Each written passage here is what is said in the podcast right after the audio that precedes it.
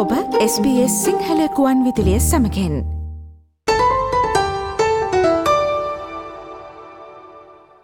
ලෝක මාපිය දිනය එළඹෙන ජුනි පලවෙනි දට ේදී තිබෙනවා.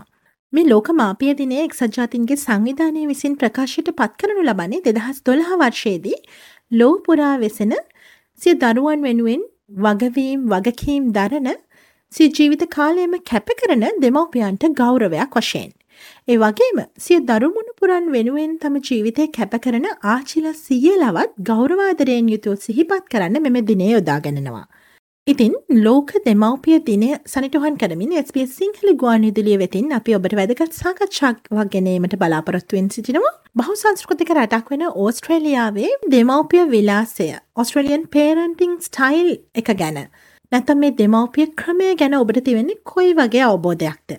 ඒ පිළිබඳ වැදගත් සාකච්ඡාවක් තමයි අපි ගෙනීමට සූදානමින් සිටින්නේ සුපුරුදු පරිදි අප සමඟ මෙල්බැන් සිට ලියාපදිංචි මනෝපදේශිකා ඉරේෂා කාර්යවසම් මහත්මය සම්බන්ධ වී සිටිනවා. අයිබෝන් ඉරේෂා ඔබට අයිබෝන් ඇතිනේ ඉරේෂමං ඔබෙන් මුලින්ම දැනගන්න කැමති මේ ඕස්ට්‍රේලියාවේදී දෙමවපියන්ගේ විලාසය දෙමවපියන්ගේ ක්‍රමේ ප්‍රධාන අංග මොනවද. ඔව් අතිනේ අර කිව්වා වගේ ඕස්ට්‍රේලියාවේ මේ සංස්කෘතිය හැදිලා තියෙන ගොඩාක් සංස්කෘතීන් එක්ක එකතු වෙලා හැදිච්ච දේවල් තියෙනවා. මේවයි ප්‍රධාන වශයෙන් අපිට දකින්න ලැබෙනවා දරුවාගේ සිතුම් පැතුම් ඔහු සිතන පතන ආකාරයෙන් තේරුම් ගැනීම හා අගය කිරීම. ඊළඟට මේ දරුවන්ගේ දක්ෂතා සහ හැකියාවන් නිරන්තරයෙන් අගය කරන එකක් අපිට දකින්න ලැබෙනවා. ඊට පස්සේ මේ දරුවත් එක්ක සම්බන්ධ වෙන වෙලාවල් අපි කියනවා contact moments කියලා. ඒ වෙලාවල් වලදී හොඳට නැවතිලා දරුවා දිහා බලලා ඇස් දෙක දිහා බලලා hina වෙලා කතා කරන්න ප්‍රතිචාර දක්වන්න දෙමව්පියෝ පුරුදු පුහුණු වෙලා තියෙනවා. ඊළඟට දරුවෙක් ප්‍රශ්නයක් ඇහුවහම ඒකට උත්තර දෙන විදියේදීත් උනන්දුවෙන් ඒක පිළිබඳව ඒ ප්‍රශ්නේ පිළිබඳව උනන්දුවෙන් ඒ වගේ ප්‍රශ්නයක් අහපු එක ගැන ඒගොල්ලෝ සතුටටපත් වෙලා දරුවට කතා කරනවා. අපි කියනවා showing interest and sensitivity කියලා. ඒ වගේ අපි කතා කරන වෙලාවල් වලට. ඊට පස්සේ දරුවගේ අවශ්‍යතා අඳුරගෙන ඒගොල්ලන්ට අවශ්‍ය ඇඩ්වයිස් එකක් ගයිඩන්ස් එකක් දෙනකොට ඒවා අවශ්‍ය වෙලාවලදී බලලා දෙන්න පුරුදු වෙලා ඉන්නවා. එහෙම නැතුව අර හැම වෙලේම අරක කරන්න මේක කරන්න කියලා කියන්නේ නැතුව. මම මේකේ පොඩි උදාහරණයක් කියන්නම්. මට පොඩි දරුවෙක් ඇවිල්ලා කියලා තියෙනවා මගෙත් එක්ක කතා කරන්න කිසි කෙනෙක් නැහැ කියලා. එයාගේ පවුලේ හැමෝම ඉන්නවා. ඉතින් පවුලත් දෙමව්පියොත් එක්ක ජීවත් වෙන්නේ. මං ඇහුවා ඇයි දෙමව්පියෝ? එතකොට එයා කියනවා ඒගොල්ලෝ මාත් එක්ක කතා කරන්නේ නැහැ. ඒගොල්ලන් මට කමාන්ඩ්ස් දෙනවා විතරයි. උදේට නැගිටින්න කියනවා, කන්න කියනවා, දත් මදින්න කියනවා, ඉස්කෝලේ යන්න කියනවා, හෝම්වර්ක් කරන්න කියනවා, කරාද කියලා අහනවා. ආන් ඒ වගේව මිසක් කවුරුත් කතා කරන්නේ නැහැලු මාත් එක්ක. ඉතින් එයා ඇවිල්ලා තියෙන්නේ මාත් එක්ක කතා කරන්න. ඒ වගේ අර මේ නමුත් මේ සංස්කෘතිය තුළ මේ ඕස්ට්‍රේලියානු සංස්කෘතිය තුළ ඒ දරුවන්ත එක කතා කරනවා අපි කියනවා එන්ගේජ්මන්ට් එකක් හරි ලොකු අපිට දකින්න ලැබෙනවා. ඔව් අපි ඊළඟට කතා කරමු ඔස්ට්‍රේලියාවේ දෙමව්පියන්ට ඇති අභියෝග මොනවද? මුලින්ම කියන්න තියෙන්නේ කාල වේලාවේ අඩුකමක් තියෙනවා. ඊළඟට තියෙනවා මේ හොඳ පුරුදු හොඳ පුරුදු පුහුණු කරන්න දරුවන්ට අතපසු වීමක් තියෙනවා.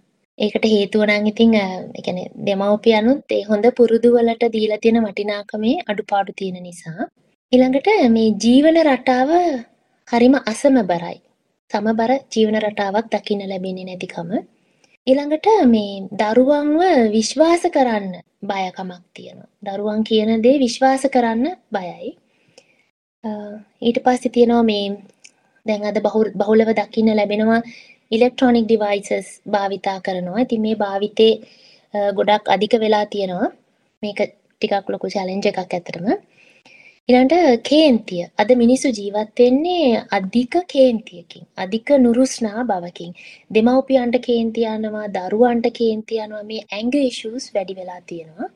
ඊළඟට මේ ස්ටඩීස් මේ අධ්‍යාපනයට කොහොමද මුහුණ දෙන්න ඕනේ? දරුවෝ කොහොමද මුහුණ දෙන්න ඕනේ? දෙමව්පියෝ මේ මේ අධ්‍යාපනයට කොහොමද දරුවන්ව උනන්දු කරන්න ඕනේ? මේ දේවල් පිළිබඳව පැහැදිලි අවබෝධයක් දකින්න ලැබෙන්නේ නැහැ. ඊළඟට ලොකු ප්‍රශ්නයක් හැටියට තියෙනවා දරුවන්ට අවශ්‍ය ආරක්ෂාව නිසි ලෙස සපයන්නේ කොහොමද කියලා කියන එක. අපි ශ්‍රී ලාංකේය ප්‍රජාව ඕස්ට්‍රලියාව තුළ වෙසෙන ශ්‍රී ලාංකේය ප්‍රජාව සම්බන්ධයෙන් ගත්තොත් ශ්‍රී ලාංකය දෙමව්පියන්ට තමන්ගේ දෙමව්පිය විලාසය සම්බන්ධයෙන් ඕස්ට්‍රලියාව තුළ ඇති අභියෝග මොනවද. ඔව් අතිනි ඕස්ට්‍රේලියාවේ ජීවත් වෙන ලාංකික දෙමව්පියන්ට තියෙන ලොකුම අභියෝගය තමයි මේ ඕස්ට්‍රේලියානු සංස්කෘතිය ගැන තියෙන අවබෝධයේ මදිකම. අපි මේකට කියනවා කල්චරේෂන් කියලා. ඒ කියන්නේ වෙන සංස්කෘතික පසුබිමකින් තව සංස්කෘතික පසුබිමකට මයිග්‍රේට් කරාට පස්සේ ඒ සංස්කෘතියට හැඩ ගැහෙන්න ඕනේ. මේක ගොඩක් කාලයක් ගත වෙන දෙයක්. ඉතින් අපේ ලාංකික ප්‍රජාව තුළ මම දකිනවා මේ සංස්කෘතියට හැඩ ගැහෙන්න මේ සංස්කෘතිය දේවල් ඉගෙන ගන්න පොඩි පසුබෑමක් තියෙනවා. ගොඩක් වෙලාවට ලාංකික සමාජ පද්ධතිවලටම කොටු වෙලා තමයි ජීවත් වෙන්නේ. රැකියාවට යන පුංචි වෙලාවේදී විතරයි ඕස්ට්‍රේලියානු සංස්කෘතික සංස්කෘතියට අයත් එක්ක ඕස්ට්‍රේලියානුවන් සමග සම්බන්ධකම් පවත්වන්නේ. නමුත් සංස්කෘතියක් ඉගෙන ගන්න ඒක මදි. සංස්කෘතියක් ඉගෙන ගන්න නම් අපි ඒ ඒ රටේ ජීවත් වෙන මිනිස්සු හිතන පතන ආකාරය, ඒගොල්ලන්ගේ ජීවන රටාව, ඒගොල්ලෝ කන බොන විදිය, ප්‍රශ්නකදී වැඩ කටයුතු කරන විදිය, හිතන විදිය මේ දේවල් ගොඩාක් ළඟින් ඇසුරු කරලා ඉගෙන ගන්න ඕනි. මෙන්න මේ ඉගෙන ගන්න මේවා අධ්‍යයනය කරන්න පොඩි පසුබෑමක් දකින්න ලැබෙනවා. මේක ලොකුම බාධාවක් විදියට මම දකිනවා. ඊළඟට තියෙනවා මේ එක්ස්ටෙන්ඩඩ් ෆැමිලි සපෝට් එක. ඒ කියන්නේ ආච්චිලා, සීයලා, නැන්දලා, මාමලා ඒ වගේ අය දරුවෙකුගේ වර්ධනයට වගේම පේරන්ටිං වලටත් ඉතාම වැදගත් කොටස්කරුවන්.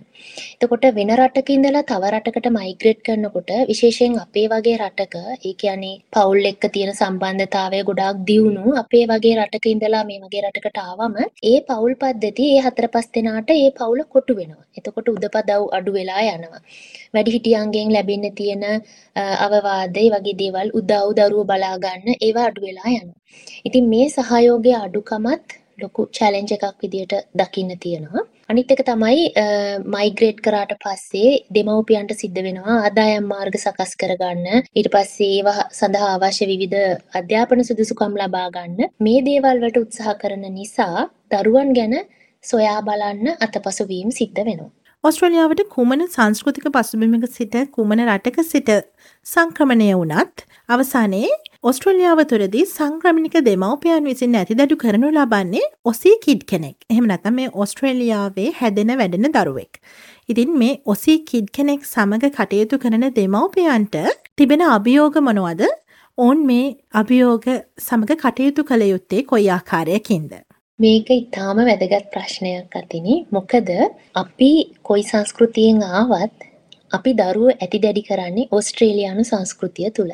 ඉතින් ඒක හින්දා මේ මේ ඕස්ට්‍රේලියානු සංස්කෘතිය පිළිබඳව අපි තුළ දෙමව්පියන් හැටියට අපි තුළ තිබිය යුතු අවබෝධය ඉතාම වටිනවා. මේ මේ අවබෝධය මේ ඉගෙන ගැනීම අධ්‍යයනය කළ යුතුම දෙයක් වෙලා තියෙනවා දෙමව්පියන් හැටියට. මේකෙදි මේ Taman ජීවත් වෙන රට එහි සංස්කෘතිය, ඉතිහාසය, නීති රීති පද්ධතිය, දේශපාලනික පසුබිම වගේ දේවල් ඉගෙන ගන්න ඕනි.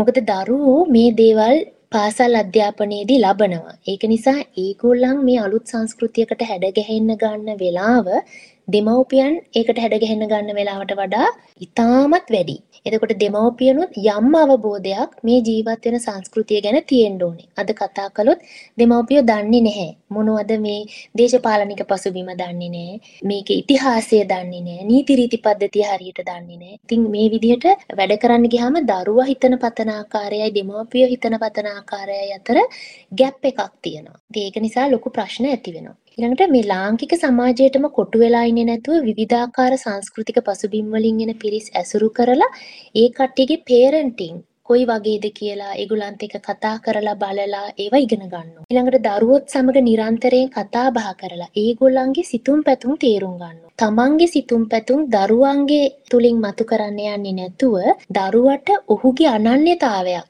ගොඩනගා ගන්න උදව් කරන්න ඕනේ. ඒක තමයි මේ ඕස්ට්‍රේලියානු සංස්කෘතිය තුළ ගොඩාක් උනන්දු කරන දේ. ඊළඟට මේ පාසල් සහ විවිධ ආයතන වලින් පේරන්ටිං පිළිබඳව වැඩමුළු තියෙනවා. විශේෂයෙන්ම ටීනේජ් පේරන්ටිං ඒ දේවල් වලට සහභාගී වෙලා තමන්ව දැනුවත් කරගන්න පුළුවන් ඕනෙම කෙනෙකුට. දරුවන්ට කතා කරන්න කලින් තමන්ව සංසුන් කරගන්න ඕනේ. ඒ කියන්නේ දැන් ඔබටත් මේ සංස්කෘතිය හරියට තේරෙන්නෙත් නැත්නම් දරුවන්ට ඔබ හැදිච්ච වැඩිච්ච පරිසරය සංස්කෘතිය ගෙනාලා එක පාරට ඔලුවට අතාරින්නේ නැතුව තමන්ව සංසුන් කරගෙන දරුවත් එක්ක කතා කරන්න පුරුදු වෙන්න ඕනේ.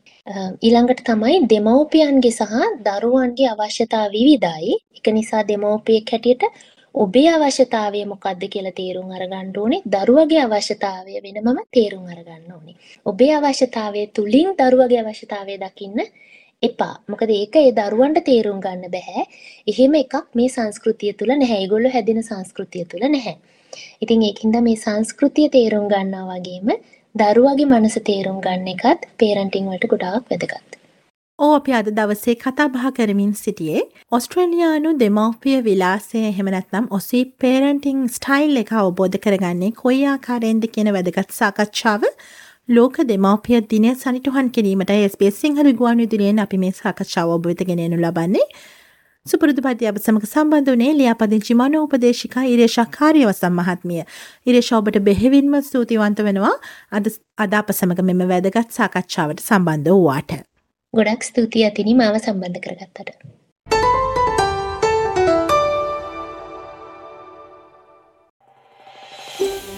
මේ වගේ තවත් තොරතුරු දැනගන්න කැමතිද.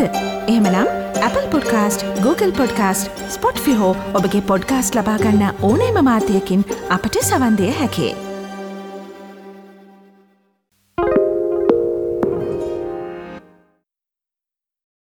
Why do people want to be at work?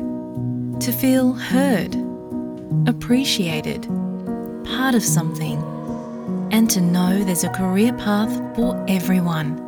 Inclusive workplaces are linked to increased innovation, productivity, and employee satisfaction. Make your organisation a place where people want to be.